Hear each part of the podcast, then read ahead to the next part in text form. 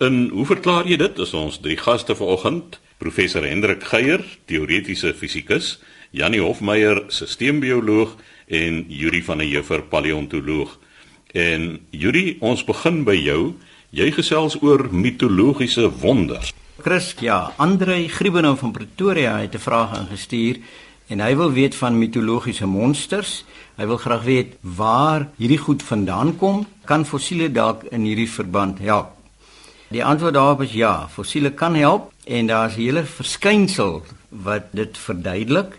Een baie bekende een is die sogenaamde griffioen wat so 'n gevleelde reptielagtige viervoetige dier is met 'n snavel soos 'n arend en hy word altyd voorgestel dat hy 'n nes het waarin hy bly en eiers lê. En dan kom daar nog so 'n stukkie by want dikwels word daar ook goud en ek dink in party gevalle juwele in hierdie neste gekry. Nou in 1922 het uh, avonturier namens die American Museum of Natural History na die Gobi woestyn te vertrek. Hy was Roy Chapman Andrews en die ou het gaan fossiele soek en een van die besondere fossiele wat hulle in die Gobi woestyn gekry het was die van die dinosourier Protoceratops. Ceratops, die dinosourier word uitgeken aan sy snavel en so dik skildagtige uitgebreide beendekking agter aan die skedel oor die nek en Protoceratops is nou 'n voorloper, 'n kleiner voorloper van hierdie hele lyn van dinosouriërs. Protoceratops se neste is gekry waar hulle eiers ingekry het. Daar's van die eiers oopgemaak. Embrio's van Protoceratops is in die eiers gekry. En baie van die anatomie van Protoceratops is voelagtig. Trouwens, dis al baie lank gelede raak gesien. Daar's 'n Griekse medikus wat al 400 jaar voor Christus hierdie geraamtes gesien het en dit beskryf het as viervoetige voëls. So die neste met die eiers en die embryos in is baie bekend, maar die mitologie van die goud is nogal interessant.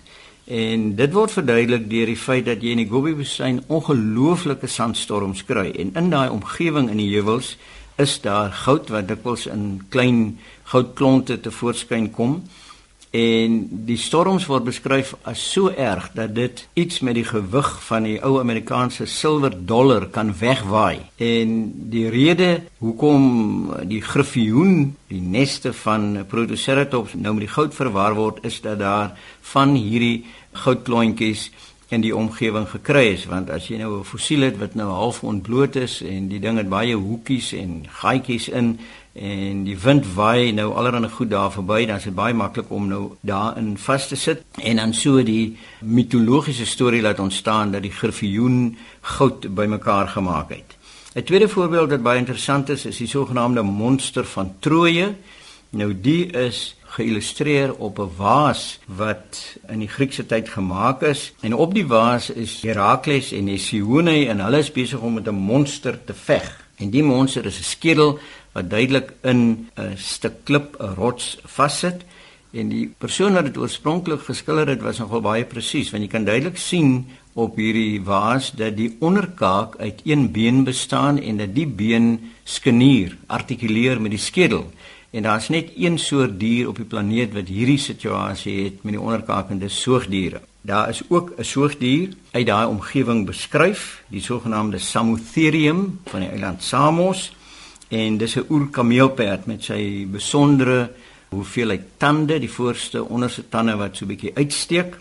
En op die vaas wat dit nou geskilder is, is die bokaak se voorpunt, die sogenaamde premaxillare beskadig sodat dit lyk of die tande eintlik verder uitsteek. Verder stem die bene en die skedel ook saam in die illustrasie met die werklike beenstruktuur van Samotherium. So dit lyk of hierdie monster van Troje eintlik gebaseer is op 'n fossiel van 'n oerkameelperd. Dat die skilders, die illustreerders goed bygesit het, dikwels het hierdie monsters ook gevlieg. Kan 'n mens sien uit die feit dat daar 'n klein aantal bene bygesit is in die oogkas. Nou, dis sulke klein plat beentjies wat sirkelvormig op die buiterand van die oogkas lê en die kry mens gewoonlik by voëls en reptiele, die sogenaamde circumorbitale bene. En uh, Samotherium is ook hier voorsien in 'n illustrasie van sirkumorbitale bene wat dit nie gehad het nie. 'n Baie bekende een is natuurlik die eenoog mensvreter Cyclops. Nou as 'n mens die Odyssee van Homerus lees, dan vind jy uit dat Odysseus of ook Ulysses baie keer en sy manne op 'n swerftog gewees het en toe op die eiland beland het waar die eenoog mensvreter gebly is. En die was so groot, enorm dat hy sommer die eerste aand twee van Odysseus se manne opgevreet het. In daardie omgewing kry mense ook oorblyfsels, fossiele van mammoete en een van die argumente wat aangevoer word is as jy na die skedel van 'n mammoet kyk van vooraf en jy lewe nou in daai tyd in Griekeland, jy het nie die biologiese kennis om dit goed te verklaar nie. Die mammoet se lang tande het uitgeval, dan lyk die groot opening agter die slurp wat na die neusgang toe lei, lyk dan soos 'n neusgat. En daarom dink mense wat hierdie goed beskryf het, dat die reus siklops eintlik gebaseer is op 'n mammoetskedel en 'n geraamte. As jy nou 'n mammoetskedel op sy agterpote laat staan asof dit 'n mens is, dan lyk dit regtig soos 'n enorme persoon. Nou, ek wil aan die einde vir jou twee boeke se name gee wat baie interessant is om uh, hierdie goed in op te volg. En in die tweede boek wat ek gaan noem is een deur Mark Bloomberg. Hy dink daar's meer aan die storie en dat 'n mens bietjie verder moet dink hieroor. Hy verwys byvoorbeeld na die Romeinse god Janus wat die twee koppe het wat in twee verskillende rigtings kyk.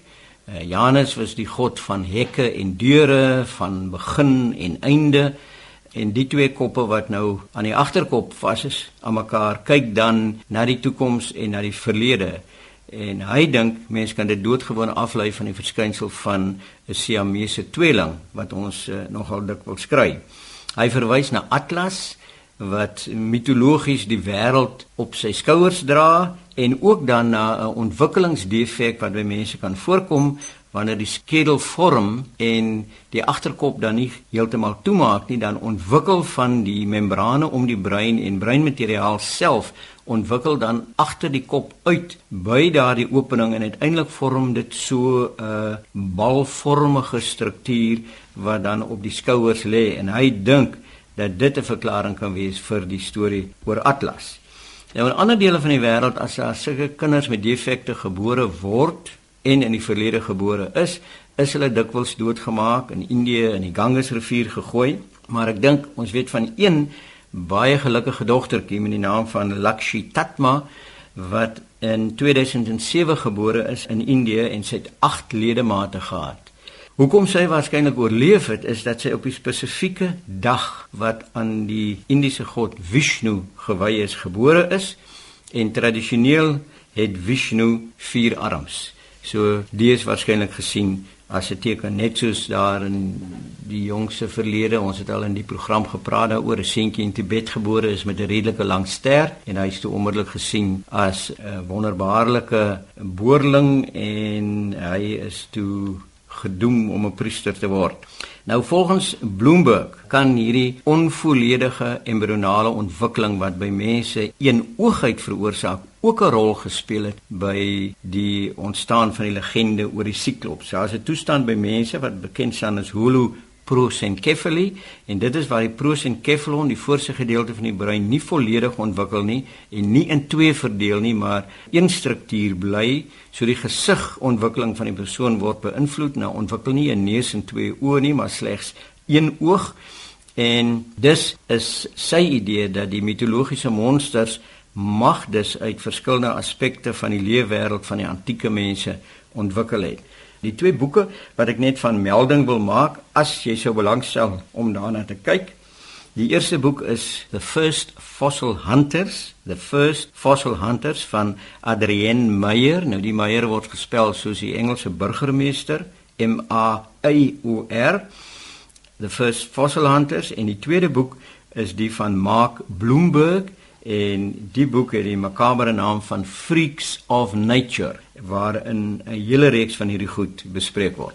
So gesels Juri van der Heever, ons paleontoloog, Jannie Hofmeyer, ons sisteembioloog is aan die woord. Jannie, jy gesels oor die ontstaan van evolusionêre nuwighede. Ja, Chris, die vraag kom nie van een persoon af nie, maar dis van my kollegas en van my studente het my oor gepols En die vraag wat hulle vra, en dit is nie eintlik net hulle nie, dit is 'n vraag wat algemeen in die biologie gevra word is hoe is dit dat evolusionêre nuwighede ontstaan? En die rede hoe vir hierdie vraag is dat dit eintlik moeilik is om op grond van ons huidige verstaan van die evolusionêre proses en die molekulêre meganismes wat dit onder lê om te verstaan eintlik waar nuwighede vandaan kom. Op watter manier is evolusie 'n kreatiewe proses? So die evolusionêre ontwikkeling van lewe het gepaard gegaan met 'n toename in diversiteit en kompleksiteit. Dit is baie duidelik. As ons dink ons het met eensellige organismes oorspronklik begin en gevorder deur die evolusionêre proses na die geweldige diversiteit van organismes wat ons deesdae kry van alle kleure en geure, voor die mens wat ons nou beskou waarskynlik as die mees komplekse van almal. So evolusie is duidelik 'n kreatiewe proses, maar dis nie duidelik hoe deur bloot aan die volgorde van die 4 DNA boustene te verander evolusionêre nuwighede kan ontstaan nie. En ek gaan probeer om aandag te gee aan 'n proses wat ons eintlik eers onlangs begin verstaan het wat wel vir ons miskien insig in hierdie verband kan gee. Maar kom ons praat net eers oor kreatiwiteit. Dit is natuurlik 'n geweldig moeilike konsep om te definieer. Maar as mens nou in die algemeen daaroor dink, in 'n kreatiewe proses word iets geskep wat nie tevore bestaan het nie, net dinge word met mekaar in verband gebring waar daar geen koneksie voorheen was nie. En een van die maniere om sulke nuwe verbande te bring tussen twee, kom ons noem dit onafhanklike wêrelde, is 'n kode, né? So het, ons kan 'n nuwe verband skep deur 'n konvensie op te stel wat goed wat tevore nie met mekaar in verband was nie, wel met mekaar in verband te bring. En dit blyk nou egter dat kodes die sleutel tot hierdie evolusionêre kreatiwiteit is. So kom ons vra miskien net eers wat doen 'n kode en ons kan miskien maar soos altyd die Morse kode as 'n voorbeeld neem. So wat doen die Morse kode? Aan die een kant is daar die wêreld van die alfabet, van die 26 letters van die alfabet, en aan die ander kant is daar 'n wêreld van dots and dashes soos dit in Engels bekend staan, né? Ditte en daas. So A is byvoorbeeld gekodifiseer as dit da en B as da dit dit. Ek onthou dit nog uit my dae van die vloot toe ek nou 'n spakie was wat Morse kode moes lees. So wat mens daar het is dan 'n stel reëls wat 'n korrespondensie tussen die letters van die alfabet aan die een kant en aan die ander kant hierdie kombinasies van dits en daas dan met mekaar in verband bring. So letterlik is daar 'n tabel wat sê A is dit en B is dit en so aan. En dan natuurlik is daar 'n dekodeerder in die geval van toe ek in die vloot was, het was ek 'n dekodeerder wat dan die een stel simbole na die ander toe dekodeer of vertaal. So dis wat 'n kode doen. En wat ons nou weet is dat daar baie van hierdie organiese kodes in die biologiese wêreld voorkom. Ons het altyd gedink sodat ek biochemie gestudeer het in die 70s, het dit ons insigte kom uit die 60s uit dat daar slegs een kode is in die natuur en dis die sogenaamde genetiese kode wat ek al 'n bietjie oor gepraat het, maar ons weet nou daar is baie ander. En die vraag is watter moontlikhede skep hierdie kodes. So kom ons herinner onsself net weer aan die genetiese kode. Wat ons daar het is aan die een kant die wêreld van wat ons noem polinukleotiede met ander woorde DNA of RNA of soms in Afrikaans word dit ook genoem DNS en RNS alhoewel die internasionale afkorting gebruik die DNA vorm en daar het ons dan 'n volgorde van vier komponente sogenaamde stikstofbasis of nukleotiede. Daar's vier dinge wat in 'n lukrake volgorde kan bestaan en aan die ander kant is daar die wêreld van proteïene waar dan nou 20 aminosure ook aan mekaar gekoppel kan word in 'n volgorde. Die twee het absoluut niks mekaar uit te waai nie. Daar's geen deterministiese verwantskap tussen nukleotiedvolgordes en aminosuurvolgordes nie, maar daar is hierdie natuurlike konvensie van die genetiese kode wat dan groepies van 3 nukleotiede in die DNA letterlik vertaal na een aminosuur toe. Die een word genoem 'n kodon, die ander 'n antikodon wat mekaar herken. Ek gaan nou iets oor die antikodon sê en dit is eintlik nie in DNA nie, maar die vertaling van DNA, maar ek wil nie weer in al die detail ingaan nie. Dit letterlik dit is konvensie wat groepies van 3 nukleotiede na aminosuur toe omskakel en daar is dan chemiese aanpassers wat hierdie kode eintlik implementeer word genoem oordrag RNA en aan die een kant herken die oordrag RNA die kodon deur sy eie groepie van 3 komplementêre nukleotiede wat aan die antikodon is en hulle herken mekaar en aan die ander kant sit dit dan die regte aminosuur vas En so is daar vir elkeen van die groepies van 3 nukleotiede kodon is daar spesifieke oordrag RNA met sy spesifieke aminosuur aan. So daar is eintlik is die stel reëls is vasgelê in die aanpassers in die geval van die genetiese kode dan oordrag RNA. Maar ons weet nou daar is 'n klomp ander organiese kodes ook. En die organiese kodes het blykbaar ontwikkel soos wat evolusie ontwikkel het. As mens dink, die eerste groot probleem wat lewe op 'n cellulêre vlak mee te doen gehad het, was die feit dat Daar's 'n membraan om die sel wat letterlik die sel chemies isoleer van sy omgewing, maar die sel moet op 'n manier kan reageer op syne wat in die omgewing voorkom. Soos byvoorbeeld 'n bakteriesel wat nou aan een kant voer, daar's kos, daar's glikose of suiker iewers te met 'n hoë konsentrasie en hy wil graag so intoe beweeg, dan moet daar 'n manier wees om daai sein ekstrasellulêre sein te vertaal na iets binnekant in die sel wat dan die effek gaan hê om die bakterie te laat swem in daardie rigting. En so en weet ons nou daar is ook hierdie aanpasser molekules wat in die geval nou reseptore is wat al hierdie molekulêre seine wat aan die buitekant van 'n sel kan voorkom vertaal na een van vier intrasellulêre sogenaamde tweede boodskappers. So die wat buite voorkom word eerste boodskappers genoem, wat binne voorkom tweede boodskappers. Daar's geen chemiese of fisiese verband tussen die twee nie, is blote konvensie dat eerste boodskapper A tweede boodskapper A aan die binnekant twee aan mekaar gekonnekteer is deur 'n konvensie. Ons het kompartementele kodes wat ontstaan het toe die selle begin groot raak het en kompartemente binne gekry het, die oorgang van prokaryotiese na eukaryotiese selle. Moet proteïene wees, hulle word op 'n een plek gemaak en hulle moet na 'n ander plek toe gaan, na 'n ander kompartement. En ons weet nou dan is daar 'n klein adreskaartjie letterlik, 'n lang stukkie, so 'n stukkie van die proteïen wat as 'n stertjie vassit en dit dien letterlik as 'n adreskaartjie wat dan deur die regte kompartement herken word sodat die proteïen daar gelokaliseer word. So daar's kompartementele kodes. Ons weet van sitoskeletkodes wat te doen het met die vorm van die sel, die verandering van selvorm, adhesiekodes wat 'n sel toelaat om 'n ander sel te herken sodat die twee kan in multisellulêre organismes mekaar assosieer. So skielik is daar 'n hele ontploffing van kodes wat werklik voldoen aan al die vereistes van 'n organiese kode wat ons nou herken. Vraag is wat bring kodering vir 'n sel in teenstelling met kopieering? Want kopieering is die proses wat ons tot dusver altyd verstaan het. DNA word gekopieer en dan split die sel in twee en jy kry nou nou dogterselle en daai DNA word weer gedupliseer. En so deur hierdie proses van kopieering en klein foute wat in die kopieringsproses plaasvind of mutasies in die volgorde van DNA kry ons dan verandering. So met kopieering het mense 'n interessante ding. Wat ek wil doen is om kopieering te kontrasteer teenoor kodering ten opsigte van hulle eienskappe. So dink nou so daaraan. Kopieering skep organiese inligting. Jy kopieer van een volgorde na 'n komplementêre volgorde en dan weer terug na die vorige volgorde en so plant mens inligting voort. Maar wat interessant is dat inligting kan verander sonder dat betekenis verander. In taal gee vir ons 'n mooi voorbeeld. Kom ek neem 'n voorbeeld van die Latynse woord vir ma, vir moeder, mater En so jy kan die volgorde van die letters verander of muteer dan sonder om die betekenis te verander. So ons kry mater in verskillende tale kry dan madre of mère in Frans of moeder in Duits of mother of moeder of mamma. Dis almal veranderings in die volgorde van die letters, maar die betekenis bly dieselfde. So as mens dit kontrasteer teenoor kodering, dan sien ons die teenoorgestelde. Wat kodering doen is dit ons skep tot 'n mate organiese betekenis en betekenis kan verander sonder dat inligting verander. En weer uit taal uit byvoorbeeld, kom ons neem die woord broom, B R O O M. So daar hou jy dieselfde aantal letters in dieselfde volgorde, maar in Engels is 'n broom is 'n implement vir opvee van materiaal en in Afrikaans is broom die chemiese element broom en so jy dieselfde volgorde van letters maar verskillende betekenisse. En so het mens nou twee fundamentele prosesse wat lewe onder lê. Ons het tot dusver altyd net een herken, naamlik kopieering.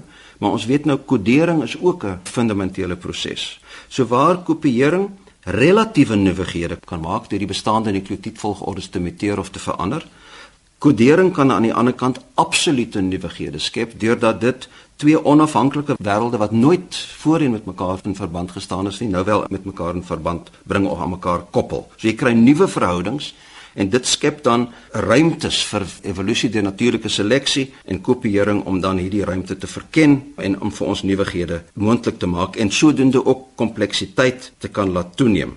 En interessant, ons weet nou daar is hierdie groot oorgange in ons evolusionêre geskiedenis van eensellige organismes na prokaryote na eukaryote wat groter selle is, meer kompleks en dan selle wat begin saam assosieer om multisellulêre organismes te vorm. Elkeen van hierdie oorgange het gepaard gegaan met die ontstaan van 'n nuwe organiese kode. So dit laat ons werklik 'n evolusie op 'n nuwe manier verstaan. In elke slag wat 'n nuwe kode ontwikkel, is daar 'n nuwe ruimte vir natuurlike seleksie om te verken.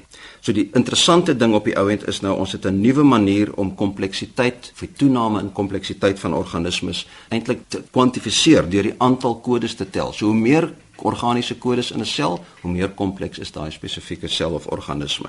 So die idee van organiese kodes is werklik 'n revolusionêre nuwe idee wat ook ons toelaat om ons evolusionêre geskiedenis baie baie beter te verstaan. So sê Jannie Hofmeyer, ons sisteembioloog. Laaste aan die woord Hendrik Geier en Hendrik gesels oor die invloed van 'n voertuig se sleurstroom op die voertuig agter hom. Nou jy kry mense wat daarvan hou om soos hulle in Engels sê graag in jou slipstream te sit as jy op die lang pad is want hulle glo hulle spaar brandstof. Ja, dankie Chris. Die vraag wat ek hier op wil reageer kom van Johan Tron van Gordons Bay. Johan beskryf hier dat toe hy nou nog jonger was, het hy gereeld 'n karavaan gesleep En dan het baie keer vir hom gevoel of sy motor skielik, soos hy dit stel, meer krag het en versnel en dan het hy tipies opgemerk dat kort daarna 'n ander motor by hom verbygekom het. Nou sê hy sy eenvoudige verklaring was dat as 'n ander motor agter hom in die sleurstroom gery het, dit soort van deur hom getrek is deur 'n soort laagdruk wat as 'n dusselboom kon dien om die ander motor te sleep en dat dit energie vereis het wat deur sy motor se masjien voorsien is en soos hy sê sy uitgangspunt was dat energie nie uit niks geskep kan word nie en dat hy op hierdie manier sin hieruit probeer maak het. Maar dan het hy nou eers in Wikipedia gelees dat waar daar oor sleurstrome geskryf word daar die stelling gemaak word dat dit nie net die agterste voertuig, die een wat in die sleurstroom ry, is wat 'n voordeel daaruit trek nie, maar dit word daar gekonstateer dat en ek lees nou maar die Engels hier in addition the leading object will be able to move faster than it could independently do because the rear object reduces the effect of the low pressure region in the leading object. Nou sê Johan, dit lyk vir hom hier's nou 'n bewering van addisionele energie vir die agterste voertuig sowel as die voorste een en hy weet nou nie waar kom hierdie energie vandaan nie. Nou Johan, ek dink nie dit is baie vrugbaar om hier te dink in terme van energie wat geskep word.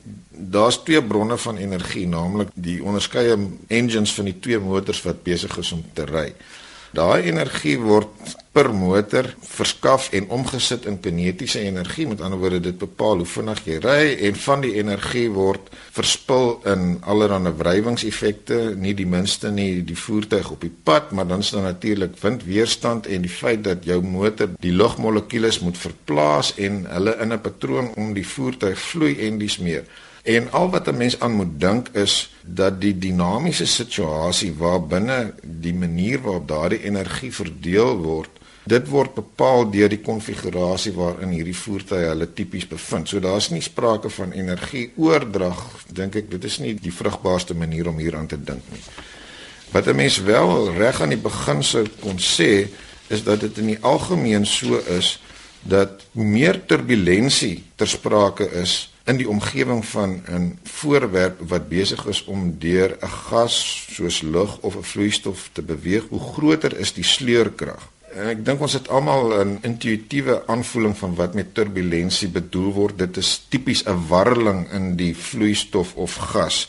In teenstelling met sogenaamde laminêre of plaatagtige vloei waar 'n mens kan dink aan die vloei van so 'n vloeistof of gas as synde besig is om in lagies plaas te vind waar daar nie veel wederwysige ontwrigting tussen die lagies plaasvind nie. En oor die algemeen is daar minder sleurkrag gepaard gaan met sulke laminêre vloei as met turbulensie. Nou hier moet 'n mens nou weer ook nog eers op 'n uitsondering op die reël wys, naamlik dat 'n mens ook praat van die sogenaamde ontkoppeling van laminêre vloei. Dit is hoekom en jy sal dit seker waardeer Chris as 'n golfspeler golfballetjies tipies die duitjies op het en ek dink ons het dit al hier in die program bespreek. Daai duitjies het deel van die konstruksie geword toe golfspelers agtergekom het dat ou balle met skrape en merke op verder trek en 'n mens verstaan dit nou daardeur dat sulke duitjies eintlik klein warreltjies skep wat voorkom dat hierdie sogenaamde laminêre verwydering plaasvind want laminêre verwydering verwys daarna dat 'n stukkie van die lug tipies vasklou aan die voorwerp wat besig is om te beweeg en as hierdie proses van verwydering plaasvind dan verhoog dit weer die sleurkrag. So die hele kwessie van laminêre vloei turbulensie en die beskrywing daarvan is soos ek reg aan die begin gesê het in 'n omgewing waar jy jou vinnig in diep troebel water bevind. Nou wat 'n mens wel kan verstaan is as jy gewoon met jou voertuig is daar niemand is wat naby jou ry nie, dan vorm daar 'n warrel agter die voertuig. Mense kan dit ook tipies as jy op 'n stofpad sien partykeer agterkom aan die hoeveelheid stof wat vergaar agter op die buffer. So daar is sprake van 'n warrel en daardie warrel het 'n verhoogde sleurkrag effek en dit bepaal vir gegeewe petrolverbruik en alle ander engine kwaliteite hoe vinnig jy sou kon ry. Nou as iemand nader aan jou beweeg, dan verander daardie turbulente vloei aan die agterkant van die voertuig nader na tipiese laminêre vloei. Dit verlaag die sleurkrag beide op die voorste voertuig en op die een wat agter hom beweeg. En die mate waartoe hierdie agterste voertuig as dit ware voordeel hieruit kan kry, weet ek is ek het nie self die program gesien nie, maar as 'n bekende Amerikaanse televisieprogram Mythbusters. Hierdie mense het nou moeite gedoen om twee voertuie op wisselende afstande agter mekaar te laat ry en dan die petrolverbruik baie akkuraat te meet en hulle het agtergekom dat die petrolverbruik met soveel as 40% gunstiger sou wees vir die voertuig agter oor afstande wat gewissel het in Amerikaanse term tussen 2 en 100 voet maar hier is nou 'n groot rooi gesondheidswaarskuwing dat dit is nie iets wat enige motoris hoegenaamd moet oorweeg om te gebruik as 'n manier om petrol te bespaar nie want die, die gevaar van so naby aan 'n ander voertuig ry is net eenvoudig te groot om dit die moeite werd te maak. So die aandrang van alle instansies wat jou daarop wys om 'n goeie volgafstand te handhaaf moet te alle tye eerbiedig word. Maar hierdie was nou duidelik een van daardie opgestelde situasies om net 'n sogenaamde stadsmiete te ondersoek. So Johan, ek dink jou waarneming van destyds waarskynlik korrek, naamlik terwyl die voertuig agter jou stelling ingeneem het, was daar hierdie verandering aan die lugvloeipatroon rondom beide voertuie met die implikasie dat die sleurkrag op die voorste en die agterste voertuig wat nou tot 'n groter mate afgeskerm is verminder het sodra die agterste voertuig uittrek om verby te gaan is daar skielik hierdie toename, aanvanklike toename in jou eie spoed, maar die feit dat die turbulentie agter jou voertuig toeneem, gaan maak dat jy dan sodra daardie voertuig agter jou verby uittrek om verby te gaan, stadiger beweeg net tot op daardie punt wanneer die voertuig natuurlik nader kom, het jy die effek dat jy effentjies gemakliker ry of effens vinniger ry. So ek hoop dit help die saak opklaar, maar ek moet weer eens sê dat die hele gesprek en analise van turbulentie, laminêre vloei, sleurstroom, sleurstroom ryery is is 'n ingewikkelde besigheid en ek het beslis nie die laaste woord daaroor vandag gesê nie. En so sê Hendrik Geier, ons teoretiese fisikus. Skryf gerus aan ons by hoe verklaar jy dit? Posbus 2551 Kaapstad 8000 of rig 'n e-pos aan chris by rsg.co.za